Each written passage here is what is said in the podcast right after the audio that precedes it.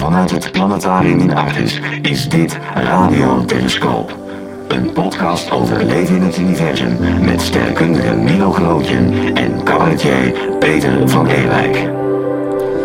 Welkom bij Radio Telescoop. Acht afleveringen lang vanuit het planetarium in Artis. Vandaar ook een klein beetje de lichte echo die je hoort. Maar dat is alleen maar mooi, want dan lijkt het alsof we echt ergens in het heelal zweven met z'n twee. Dit planetarium is de natuurlijke biotoop van mijn podcastpartner, hoofd van het planetarium, de persoon met de vinger aan de pulsar en wat mij betreft de Han Solo van de Nederlandse sterrenkunde, Milo Grootjen. Han Solo, wauw. Ja, ja, Sometimes I amaze even myself, als ik hem mag quoten. ja, kijk. Ja, ik, eh, ik, maar ik ben gewoon Milo hoor, van het Artis Planetarium. Maar daar reis ik natuurlijk ook als Han Solo vaak tussen de sterren. Ja. Al is het niet in een Millennium Falcon. Nee, nee maar het, het planetarium is wel even snel als de Millennium Falcon? Of is die sneller? Ehm, kan die de Kessel Run in minder dan 12 parsecs? de, het planetarium kan de Kessel Run echt in veel minder dan 12 parsecs eh, doen. Dus eh, we gaan daar echt hard. Laat het de Star Wars fans maar niet horen. Ehm, we gaan het de komende weken over leven in het universum hebben. Waarom blijft dat toch zo'n tot de verbeelding sprekend onderwerp? Ja, het is de eerste vraag eigenlijk die heel veel mensen hebben in het planetarium. Is er elders leven? Is er elders op die grote afstanden waar we dan eh, naartoe reizen, iemand die terugkijkt richting de aarde en zichzelf eh, die, die, diezelfde vragen stelt? Het is bijna een religieuze vraag binnen de astronomie. Ja. En je ziet ook dat heel veel onderzoek, eh, wat wordt gedaan binnen de astronomie, dat leidt uiteindelijk altijd naar de, de vraag toe: oh ja, maar daarmee, met dit onderzoek, kunnen we uitvinden of er elders leven ook is. Of met dit onderzoek kunnen we zien hoe ons zonnestelsel is ontstaan en of dat elders ook zou zijn gebeurd en of dat dan ook misschien tot leven zou kunnen hebben geleid. En dat is natuurlijk ook, dat doen ze natuurlijk ook om, eh, om geld te krijgen voor hun, eh, voor hun onderzoek. Want ja, ook bij politici is deze vraag heel erg belangrijk. Ja. En, be- bedenk maar eens eh, wat er zou gebeuren als het inderdaad wordt gevonden. Dan staat de wereld denk ik wel echt eh, op zijn kop. Want dan zijn wij niet meer de enige plek in het heelal Nee. eh, waar eh, leven is. En dat heeft allemaal religieuze consequenties ook, Ja. denk ik. En ook consequenties voor de manier waarop we naar onszelf Ja. kijken. Ja, zeker, zeker. Het is en blijft een fascinerend gegeven. Ehm, daarom ook dat we daar de komende acht weken deze podcast over gaan maken. Eh, we gaan proberen zoveel mogelijk te behandelen in pak een beet eh 20 minuten iedere aflevering. Dus dat wordt nog proppen om miljoenen jaren aan evolutie daarin te krijgen. Deze eerste aflevering gaan we twee dingen doen. We bekijken eerst een aantal leuke en interessante historische perspectieven op buitenaards leven. Eh, Dat om een beetje de smaak te pakken te krijgen. En daarna gaan we de vraag beantwoorden of er wel leven mogelijk is daar in dat koude, verlaten heelal. Maar we beginnen iedere aflevering stevast hiermee. Van de week. Oftewel een plek in het heelal of een sterrenkundig object dat aansluit bij het onderwerp van deze aflevering. Milo. Ja, we gaan het hebben over buitenaards leven de komende weken. En dus ook kunnen we nadenken over, over andere werelden. Hoe zou dat eruit kunnen zien? Ehm, stel je bent een alien, hoe ziet jou, de wereld om jou heen er dan uit? En voor mij begon dat, dat, dat idee om daar zo over na te denken met, met, met de maan. Want als je omhoog kijkt, ja, je ziet een paar, eh, je ziet natuurlijk heel veel sterren, maar dat zijn maar puntjes. En je ziet een eh, wat grotere lichtvlek en dat is dan die maan. En voor het eerst dat ik daar wat anders in zag, was toen ik er een keer met een verrekijker naar keek. Gewoon een simpele verrekijker. Of een heel klein telescoopje. Zo'n ding wat je bij de praxis kan kopen. Ja, of, eh, Je hebt echt niet veel nodig. En k- kijk er dan eens naar. Als je, als je met het blote oog kijkt en je staat er even bij stil, dan zie je al vlekken op het, eh, op het maanoppervlak. Je ziet al dat dat een wat andere plek is. En dan, dan, ging ik toen, eh, toen ik eh, zeg maar, eh, op de middelbare school zat, ging ik daar heel erg over nadenken. En ik ging ook kijken met zo'n verrekijker. En als je kijkt met zo'n verrekijker, zeker op de plek waar het tussen licht en donker zit, bij een halve maan bijvoorbeeld. Ja, met de verrekijker zie je dan allemaal al kraters. Je ziet bergen, je ziet lichte en donkere plekken, schaduwval. zie je op dat, uh, op dat maanoppervlak. En ja, dat vond ik echt fascinerend. Een, een hele andere wereld. Wat zou daar zijn? En is daar dan misschien ook leven? Ja. Uh, ja, dus ik zou zeggen, probeer dat echt eens. En uh, dat is je, ja, je eerste deur in, in een nieuwe wereld. Ja, ja en, en het mooie is dat uh, die maan heeft altijd al een hele grote aantrekkingskracht gehad. Uh, nou, op de aarde zelf, hè, letterlijk. Maar vooral ook op de fantasie van de mens. En uh, we gaan het hebben over een aantal interessante historische perspectieven op buitenaards leven. In één daarvan speelt die maan een hele belangrijke rol, toch? Ja, ja het, het, het vraagstuk van, van leven in het heelal is niet van vandaag of van de afgelopen 50 jaar. Dat is al, dat is al veel langer. En een, een eerste voorbeeld wat ik daarvan vond was in, uh, in 1835, toen er een serie van artikelen werd gepubliceerd in The Sun.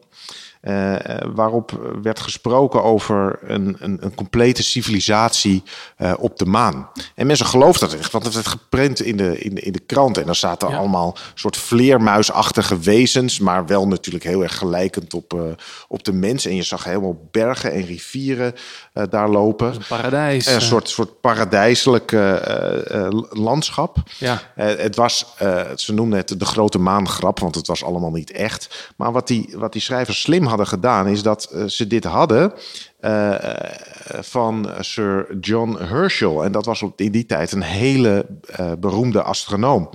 En als, nou, als dat met hem zou zijn afgestemd, ja, dan moest het wel, wel waar zijn. Ja. Dus de mensen werden totaal op het verkeerde been gezet. Ja. En, en ja, dat. dat um, dat was een, een, flinke ophef in die tijd. Ook zeker bij John Herschel hoor. Want toen mensen begonnen te vragen: Hey John, hoe zit dat? Is dat allemaal waar? Toen werd ja. hij wel een beetje pissig van: Ja, hallo. Nee. Hij was er niet super blij mee nee, met die Nee, uiteindelijk niet. Nee.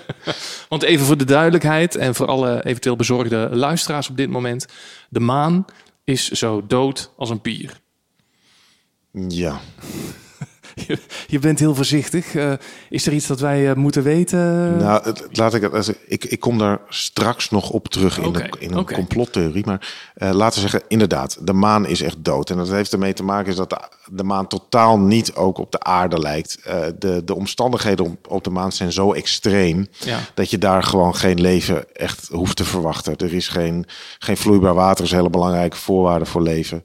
Uh, er is geen atmosfeer, dat is nog belangrijker. Dat wil zeggen dat je continu uh, of helemaal blootgesteld staat aan de zon, Ja. of als je aan de nachtzijde zit, helemaal uh, geen, geen, geen, geen zon hebt. En dan is het natuurlijk ijskoud. Ja. Hè, dus het is een verschil tussen heel erg warm op de maan en heel erg koud. Bovendien komt die uh, straling gewoon, omdat er geen atmosfeer is, direct op je bast. Dus de, dat, dat overleef je daar. eh, wij overleven daar sowieso niet. heel geen- snel bruin. ja, ja, echt heel erg bruin.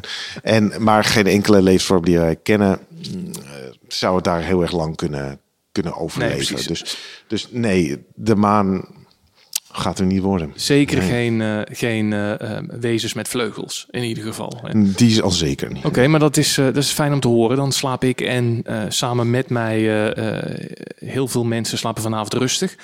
Ehm, het is gelukkig niet alleen maar beetnemerij geweest. Er zijn in de geschiedenis ook hele serieuze wetenschappers eh, met de mogelijkheid van buitenaards eh, leven bezig geweest.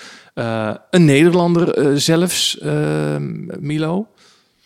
Ja, Christian Huygens in, in 16, 1890 al, in zijn boek Cosmo Theoros. En eh, hij dacht serieus ook echt na over buitenaards leven. Er werd toen heel veel onderzoek gedaan aan planeten. Eh, hij had eh, ringen om Saturnus eh, had hij, had hij gezien. Ja. Ehm, eh, Mars was beter bestudeerd, Venus was beter bestudeerd. En ze zagen dat daar ja, toch ook wel oppervlaktedetails zichtbaar waren. Het waren echt andere werelden. En hij vroeg zich dan ook af of er, als er dan andere werelden zijn, zijn er dan niet ook elders buitenaardse wezens? Zijn er geen wezens die ook ons eh, aan, het, aan het bekijken zijn? En, Ja. hij, en hij, hij beschreef dat ook in Cosmotheoros. En ik, ik, ik zal er een stukje van voorlezen. Oké. In, in, in mijn beste Diets, hoor. Dus ik, ik, ik, ik, ga het, ik ga het proberen. Ik ga er lekker voor zitten. Ik ben heel benieuwd. Oké, nou, daar komt het stukje. Zal daar dan niemand zijn die zich vermaakt met dat heerlijk gezicht van ons omdraaiende aarde? Dan eens Afrika met Europa, of Azië of Amerika, vertonende, dan eens met een vol, dan eens met een half rond gezicht. Wauw. Wat spreekt gij dat toch eloquent en de zoet gevoiced uit, Milo? Ja, het is, uh, het is een gave. het is in ieder geval mooi om te zien hoe um, er bij Huygens gewoon een, ja, een interesse en een fascinatie is, zonder dat daar meteen hele grote angstbeelden bij worden gecreëerd. Dat is iets wat in uh, ons derde perspectief jammer genoeg wel gebeurt. En uh, dat ontstond uh, zo. Ladies and gentlemen, we interrupt our program of dance music to bring you a special bulletin from the Intercontinental Radio News. At 20 minutes before 8 Central Time, Professor Farrell of the Mount Jennings Observatory, Chicago, Illinois, reports observing several explosions of incandescent gas occurring at regular intervals on the planet Mars. The spectroscope indicates the gas to be... En toen ontstond er immense paniek, Milo. Ja, en niet, en niet voor niks, uh, denk ik. Want er werd gewoon uh, verteld dat, dat buitenaardse wezens op aarde waren aangekomen. Ja, en dat, ja. die, dat die ons lastig gingen vallen. En ja, dat, dat, dit was echt heel erg goed gedaan. goed gedaan tussen haakjes. Ja. Dat wil zeggen, ja, het, het, het leek zo ontzettend op een echt nieuwsbericht dat, uh, dat mensen het ook echt gingen geloven. Hè? dit soort nieuwsberichten die nam men toen ook heel erg serieus. Dat was rond de tijd van de Tweede Wereldoorlog. Dus ja, het, zou, het zou je maar worden gezegd. Ja, ja. Het, uh, het was een radio-uitzending van de Amerikaan Orson Welles. Gebaseerd op het boek van H.G. Wells, War of the Worlds. En aan het begin van de uitzending wordt ook wel vermeld dat het om een hoorspel gaat. Maar voor heel veel mensen voelde het toch enorm echt aan. En uh, dat kwam natuurlijk ook omdat er al best wel wat uh, vreemde dingen over Mars uh, waren gezegd, toch? Jazeker, dat begon bij Giovanni Schiaparelli. Die zei dat hij een soort van Marskanalen had, had waargenomen op het, op het Marsoppervlak. Ja. Nu is er wat verwarring over, over die uitspraak, want je kan uh, kanalen kan je vertalen in het Engels als canals en als channels. En als het gaat om canals, dan zijn het echt ja, kunstmatige geulen die eigenlijk gegraven zijn door een beschaving. Mm -hmm. Maar channels, dat zijn meer geulen. Dat zijn, en dat bedoelde Giovanni oh, Schiaparelli natuurlijke, natuurlijke ja, groeven. Zo. Ja, precies, ja, natuurlijke groeven. En, um, maar goed, er was een, een andere Amerikaan, dat was Percival Lowell. En die zei: nee, nee, nee, nee, nee, nee. Dit zijn echt. Uh, dit is echt van een, van een beschaving. Dit zijn allemaal kanalen die gegraven uh, zijn. Er is daar een, een, een, hele intelligente beschaving bezig. En hij, uh, hij wist dat absoluut zeker. Dat was natuurlijk ook een, een astronoom die dat zei. Dus er ging nogal wat aan vooraf ja. over Mars, wat speculatie. Het is ook een beetje een. een het is een dicht. Het is een planeet die dichtbij ons staat. Ja. Hij lijkt een beetje op de, op de aarde. Dus ja. Ja, ja het, het was uiteindelijk gewoon een, een radio-uitzending. dus dus uh, vooralsnog geen marsmannetjes met uh, ruimtepistooltjes. Geen gevleugeld leven op de maan. Ja, dan vraag je je wel op een gegeven moment af: uh, kan het wel? dat leven elders. Is het, is het überhaupt mogelijk? Of zijn wij aardlingen in, in het heelal gewoon een, een gelukkig of, of een ongelukkig toeval? Denk jij dat het er is? Dat er leven is? Ja. Uh, ja. anders zat ik hier natuurlijk niet. Ja.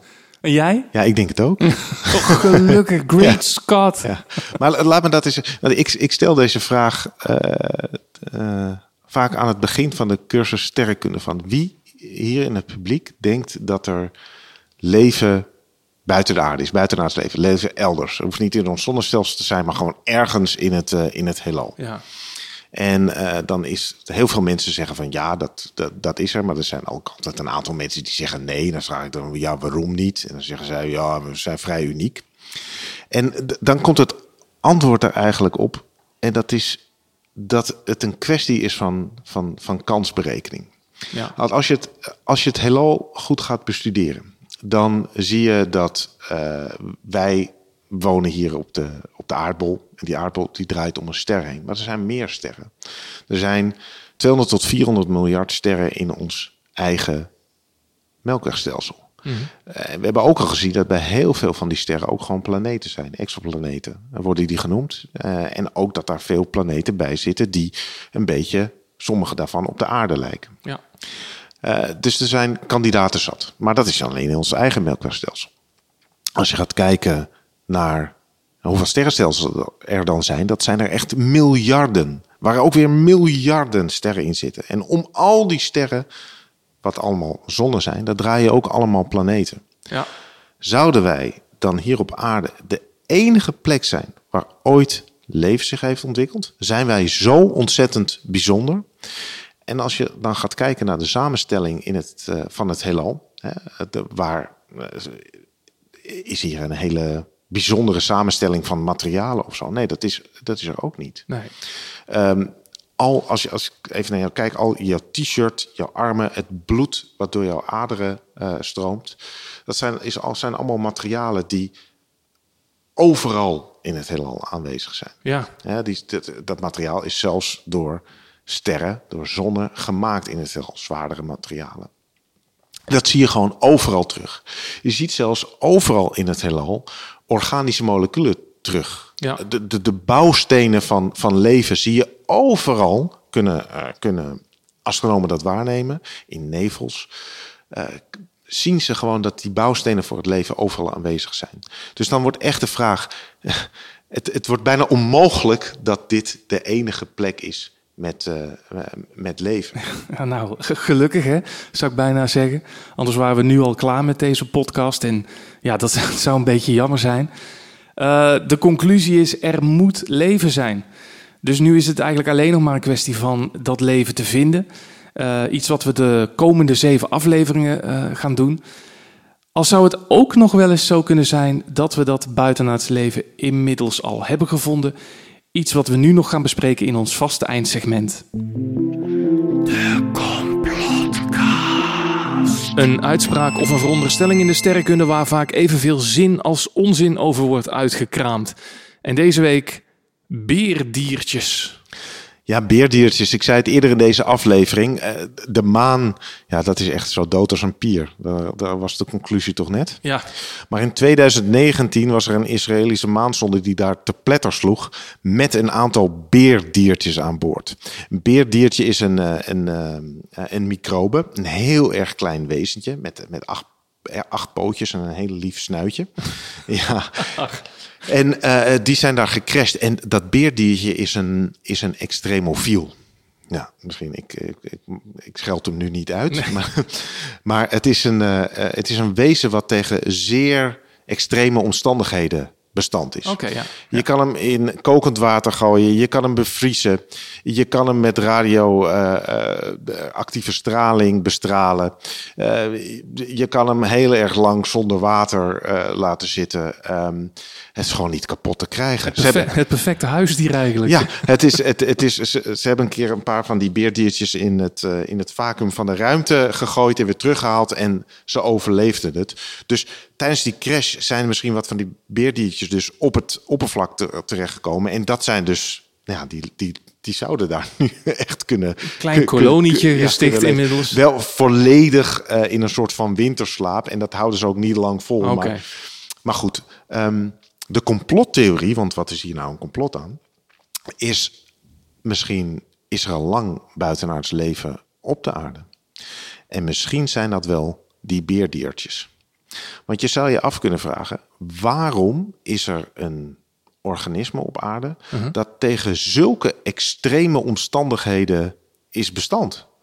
De, de, als we kijken naar de evolutie van, van, van diersoorten hier op aarde, je past je aan aan je omgeving. Ja.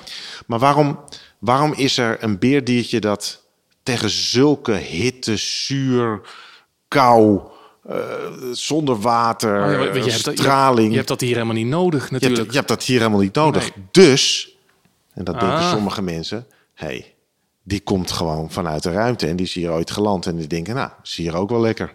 Ja. ja. uh, wat denk je zelf? Over het beerdiertje? Ja, denk je dat het een inheems uh, beestje is of dat het... Dat het uh...